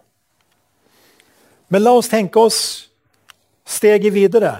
At uavhengig av om det er en rett til å føre krig eller ikke, så har vi spørsmålet hva er en riktig atferd i krigen? Ok, Juss, ikke sant? retten. Inn betyr i, og bello betyr krig. Altså, hva er en riktig atferd i krigen? Igjen, dette har jo vært folk arbeida med. Igjen for å begrense det onde. Ikke fordi en ønsker krig, men fordi det er et faktum at krig oppstår. Og det er klart vi har hatt en utrolig fase i europeisk historie. Grunn av f.eks. det som skjedde Historisk sett har jo Tyskland og Frankrike vært i krig etter krig mot hverandre.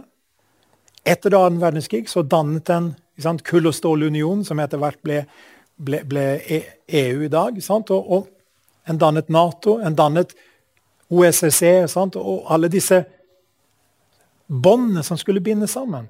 Og gjøre at en kom så nær hverandre at en ikke kunne gå i krig. Men hva skjer da?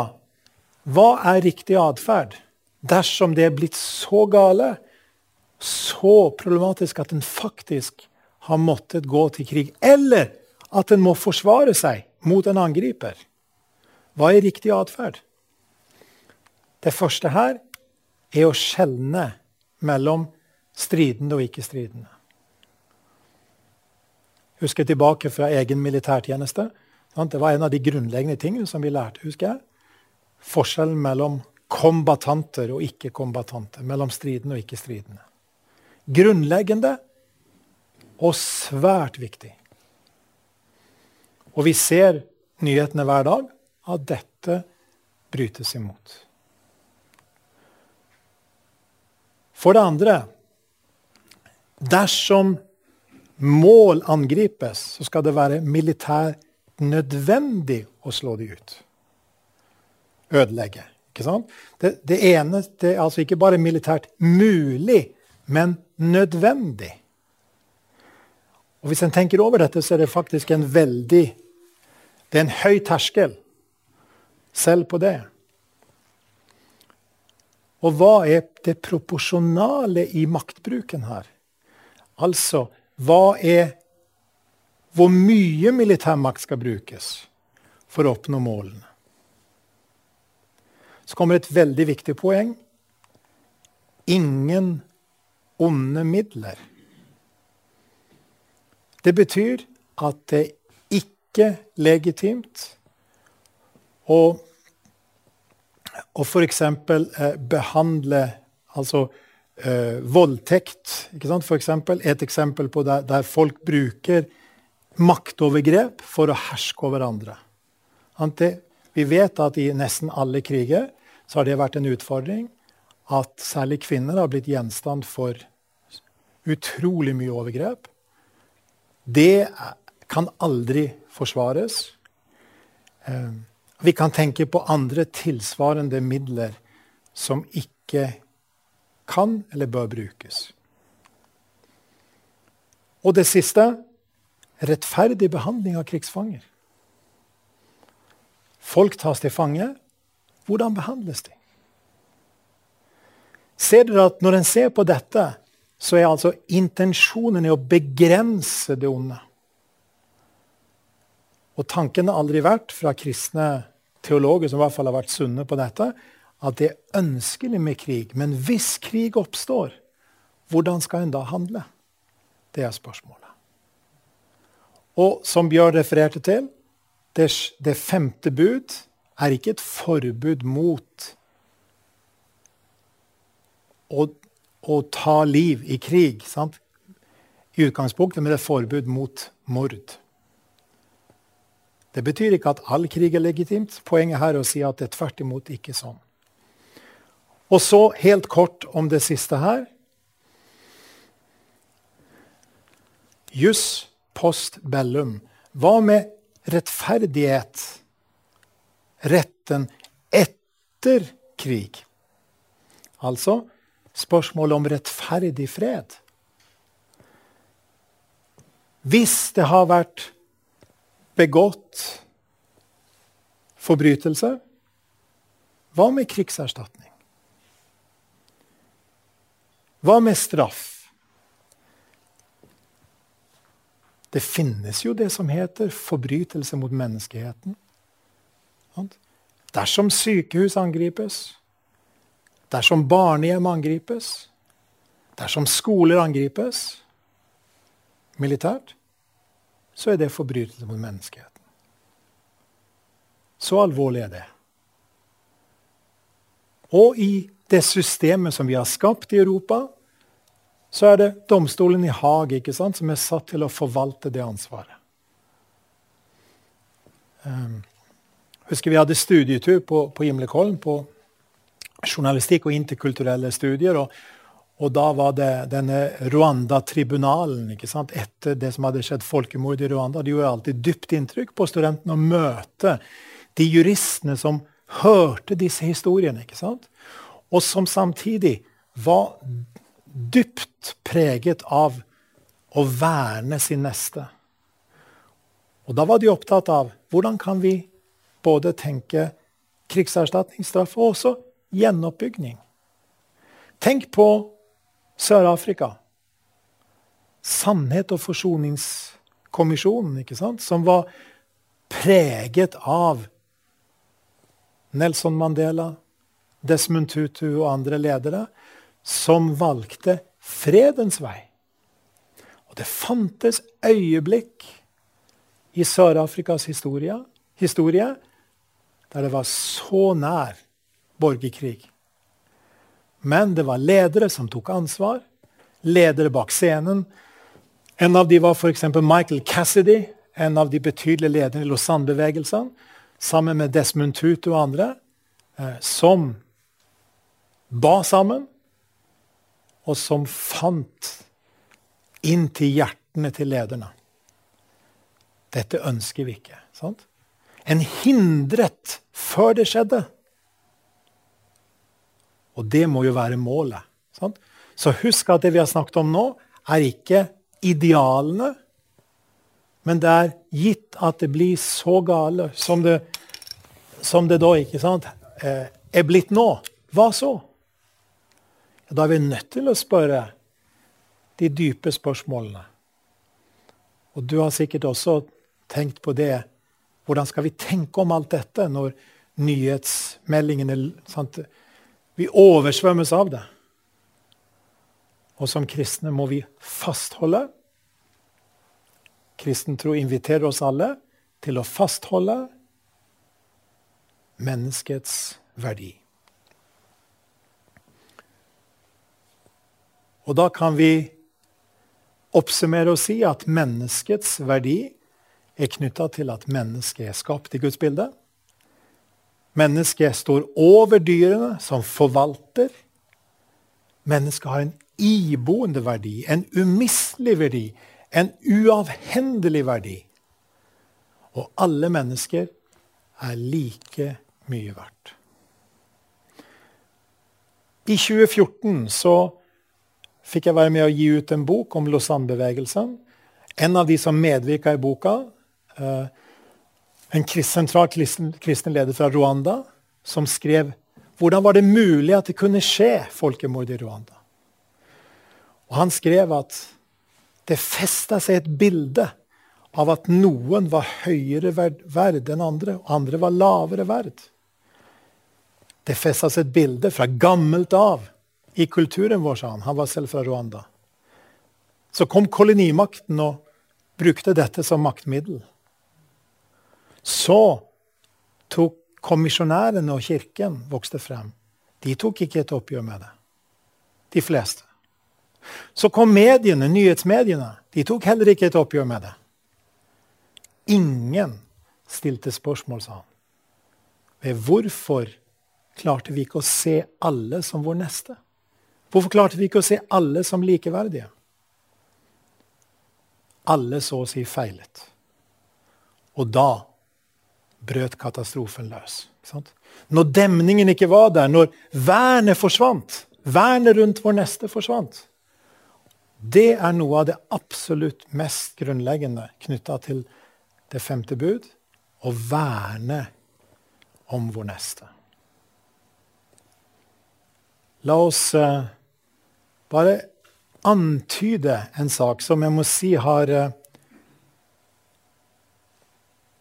utfordrende å tenke på. Disse fire gruppene nevnes veldig ofte i Det gamle testamentet som de vergeløse, verneløse gruppene. De fattige, enkene, farløsene, de farløse og innflytterne.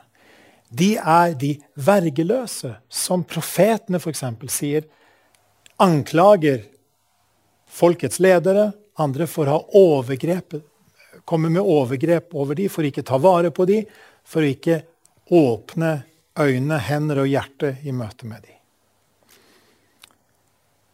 Hva er dagens situasjon? Hva tilsvarer dette i dag? Det er nok slik at i samfunnet vårt er gruppen de eldre ikke alltid sett. Vi har vært inne på det før her dypt tankevekkende hvordan vi i samfunnet vårt ikke alltid klarer å holde de eldre, verdien til de eldre oppe. Ser vi globalt på det, ikke tvil om at de fattige er utsatte. Og vi har dessverre, har vi hørt på, gjennom nyhetene, på ulike måter har vi også fattigdom i vårt eget land, i våre egne nordiske land. Kjempeutfordring. Ufødte. Som ikke vernes. De mest vergeløse, de mest verneløse av alle. Og vi er nødt til å nevne migranter.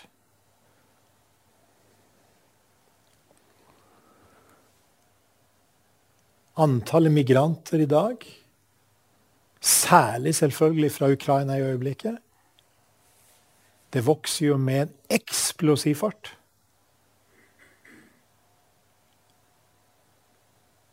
Det profetiske budskapet i dag Dette er verdt å reflektere over. Helt til slutt hvordan er det Martin Luther eh, forklarer dette? Igjen Genial, kort, enkel formulering. Selvfølgelig på 1500-tallsspråk, men allikevel. Hva er det? Det er kolon. Vi skal frykte og elske Gud. ikke sant? Det er gudsrelasjonen. Ærefrykt, kjærlighet. Så vi ikke skader vår neste på hans legeme eller gjør ham noe ondt. Altså å verne, men hjelper ham når han er i nød.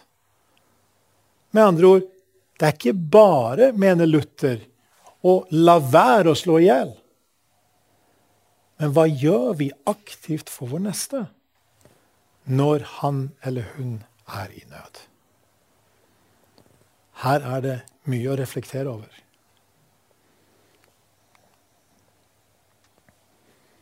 Den lille katekismen. Ja, det var det vi hadde å dele med dere ut fra det femte bud. Dessverre altfor aktuelt i dag, men uh, samtidig så er det noe å være dypt takknemlig for at vi har dette vern om livet så sentralt i vår kristne tro. Og hvis vi trekker dette også inn fra loven, de ti bud, og tenker at Spørs om ikke dette også i perspektivet her hører, hører til å tenke over at Guds sønn ble menneske og tok på seg en tjenerskikkelse. Og gikk inn i døden for at vi skulle ha liv. Sånn, det var på en måte ser noe hvor, ser hvor høyt menneskelivet er satt, hvor høy verdi mennesket er satt, verdsatt av, av Gud. Så vi kan tenke oss sant, en, en, sirkel med to brennpunkt, sant, en ellipse. Det ene er skapt i Guds bilde, og det andre er elsket av Gud i Jesus. Og de to brennpunktene så å si, er det kristne, forankringen for det kristne menneskesynet. Det betyr at det er noe spesifikt kristent også med dette. Samtidig som vi kan få lov til å tenke at vi skal som kristne kan stå sammen med enhver av god vilje og med gode verdier i å verne vår neste på så ulike måter.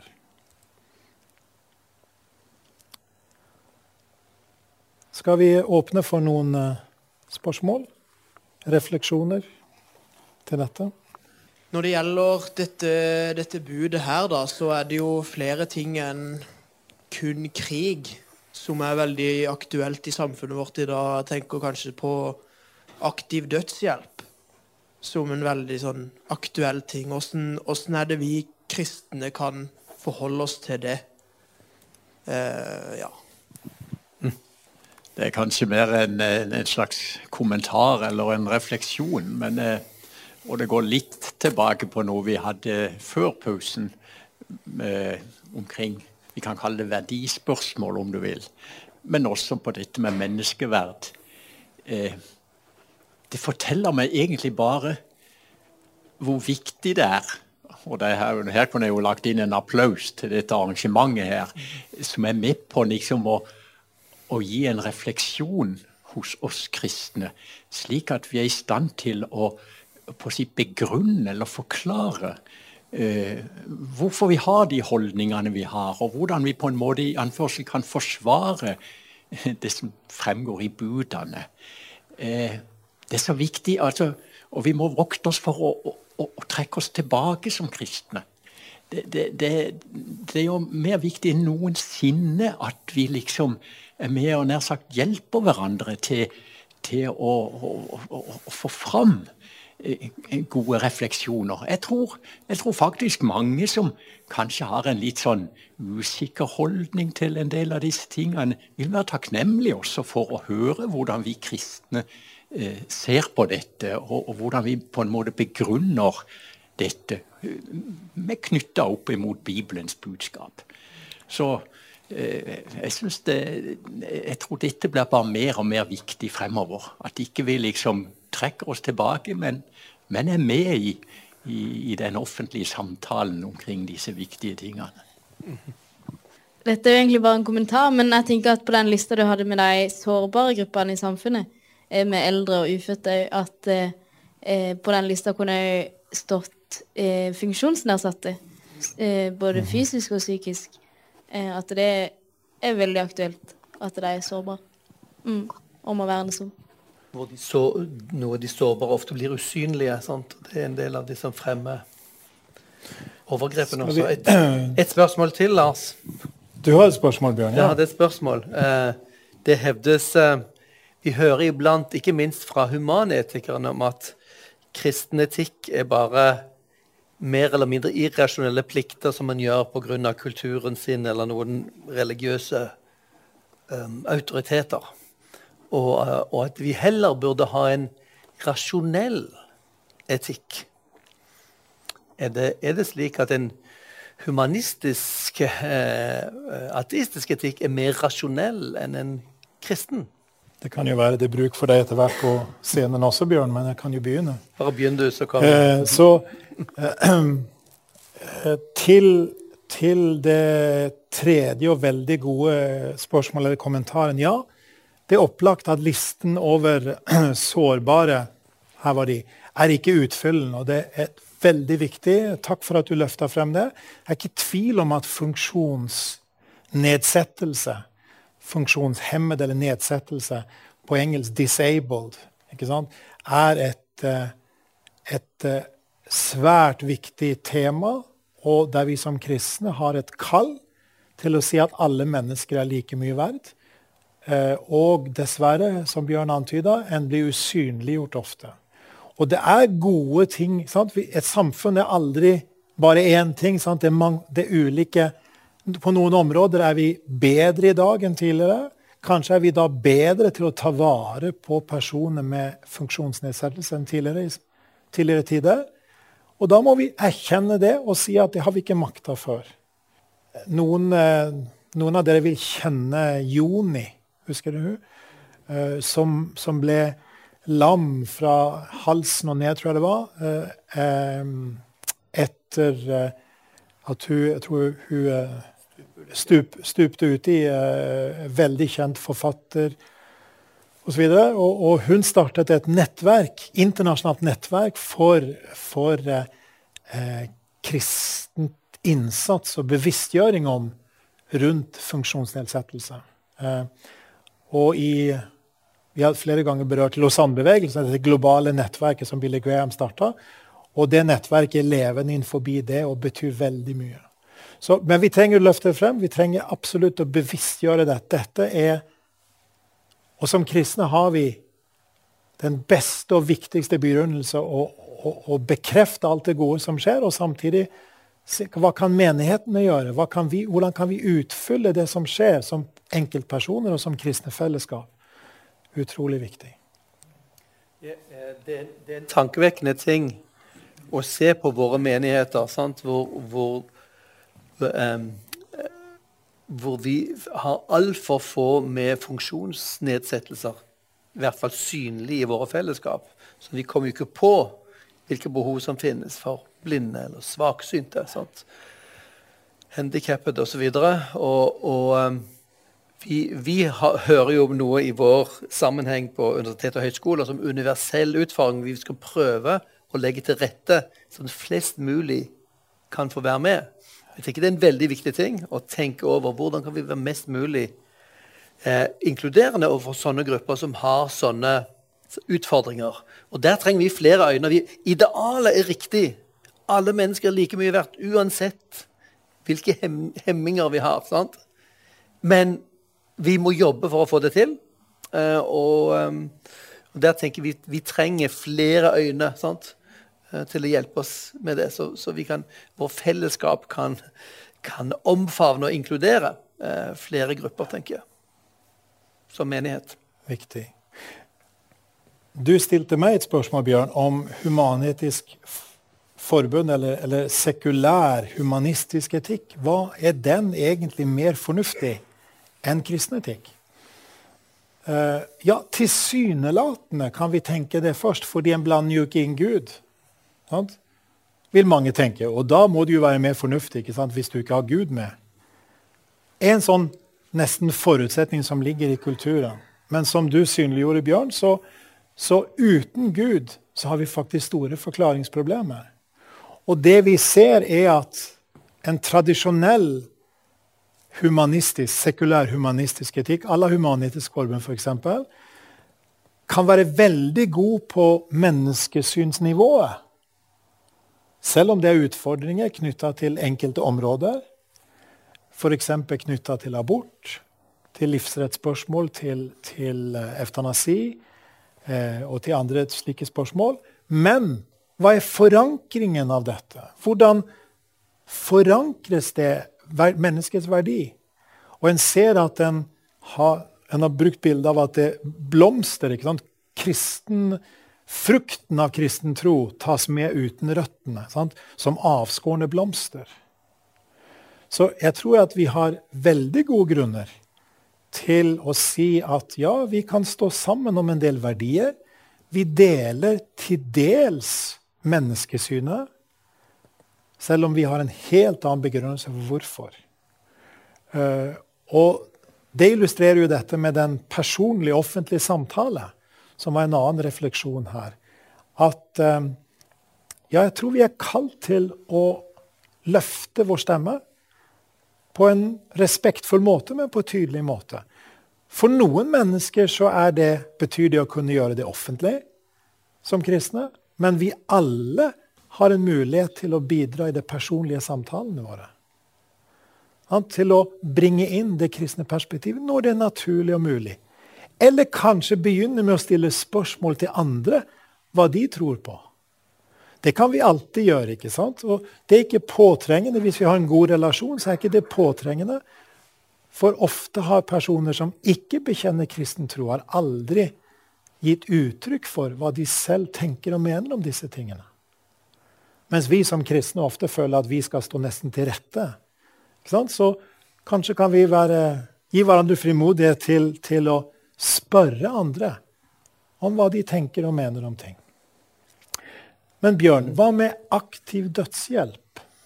Ja. Som et stort og viktig spørsmål. Du berørte det så vidt, men, mm. men hva mm. skal vi tenke om det? Um, her, her, det er jo en diskusjon her, og den er jo stadig framme. Og det er jo organisasjoner, organisasjoner sant, som, som, er aktive i den diskusjonen for å legalisere dette her. Eh, og det, når, vi snakker om dødshjelp, så, vi, så skjelner vi mellom passiv og aktiv. En passiv dødshjelp eh, er å hjelpe de som er døende, til å dø ikke kunstig forlenge deres liv, For det har vi mulighet til med alle våre medisinske midler. sant? Aktiv dødshjelp. Da hjelper vi folk, eller får folk til å dø, aktivt for å avslutte deres liv. Um, og, og um, det som veldig mange mennesker umiddelbart føler i dag med, med moralt sett, er at jo, hvis jeg vil ende mitt liv, hvorfor skal ikke jeg få lov til det? Jeg bestemmer over mitt liv. M mitt liv er mitt. Sant? Istedenfor å tenke eh, om menneskelivet at det er en objektiv verdi uavhengig av hva jeg eller andre syns, så begynner man å individualisere og subjektivisere dette. her. Så når jeg på et eller annet punkt opplever at livet blir ulevelig, ikke har lyst til å leve lenger, så må jeg ha retten til å avslutte mitt liv. Sant? Og det er, det er, et vanskelig argument å møte. Sant? For ja, ditt liv, ja, det er for så vidt ditt liv. Men det kristne synet er jo at livet vårt har vi gave. Det er Guds. Til og med å ta vårt eget liv er, eh, er å ta noe som, som, ikke er vårt. Og i møte med, møte spesielt med, spesielt med, med, med, døden og lidelse i forkant av døden, så er det jo spesielt viktig å gi vern. Eh, sånn at på den ene siden at ikke folk føler seg som en belastning, og at livet er verdiløst fordi man ikke bidrar noe. sant? Og, eh, og at eh, personell faktisk istedenfor å verne liv som enhver i helsevesenet skulle gjøre, blir lønnet ansatt, ansatt for å ta liv den hippokratiske legeeden fra 400 før Kristus. Sant? Den var helt grunnleggende. Du skal aldri bruke din legekompetanse på å ta liv, men bare beskytte liv. Her snus den kompetansen til en annen retning. Riktig gjør vi det i, i barmhjertighetshensyn, sant? men det er å ta et liv. Eh, og vi er nødt til å, å, å, å ta på alvor dette med lindringen Sant? Når man går inn i døden, det er mye smerte og elendighet, men et menneskes verdi er der. og Det er den som er utfordringen tenker jeg, i dagens uh, etiske diskusjon. At Hvis jeg definerer mitt liv som ikke verdt å leve, så har ikke du rett, rett til å tvinge meg til å leve lenger. Så en, en, eh, Et tema som også er ofte oppe i den diskusjonen, er at okay, hvis vi skal ha aktiv dødshjelp, så må vi ha veldig tydelig lovverk for det. Det må være en bevisst valg fra den personen i våken, sånn, bevisst tilstand. Og tilregnelig tilstand som bestemmer å avslutte livet sitt. Så du kan ikke gjøre det for en, en menneske som, eh, mennesker som er i tåke eller ikke vet helt hva de gjør. Uh, men det vi, det vi, ser og det vi vet, er at i det øyeblikket disse reglene om dødshjelp blir aktive, så skyves disse grensene på, og det er stadig Vi vet at det er mange som, i, i Holland som blir hjulpet inn i døden uten å ha blitt spurt først, uten at dette er rydda opp i. Og det var ikke i Belgia, det var en på 13 år som eh, hadde fått dødshjelp. Han orket ikke å leve mer. Så, så, så um, når du først har den grensen at livet, livet har ikke en egenverdi, så hvor setter du grensen? Hvem, hvem kan svinge deg til å leve hvis, hvis, du har rett til å definere ditt livs grense? Uh, vi er i, stor diskusjon der i forhold til syn på om mennesket har objektiv verdi, eller om verdi defineres av oss sjøl her. Så jeg tenker Det er en kjempestor uh, utfordring for oss. Og det er klart at i virkelighetens verden så er det ofte veldig krevende lidelser som mennesker står midt i i møte med døden. For å reflektere litt i forlengelsen her. Og da er vi kalt til å hjelpe den som er i nød, for å sitere Luther. ikke sant? Og da må kallet være å redusere smerte mest mulig og gjøre alt en kan. Sant? Og vi trenger da all mulig forskning, innsats på å øke den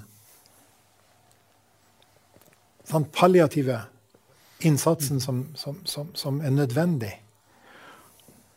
Og for å bare en, en avrunde med det eh, noen, Jeg hørte en gang så en som sammenligna med at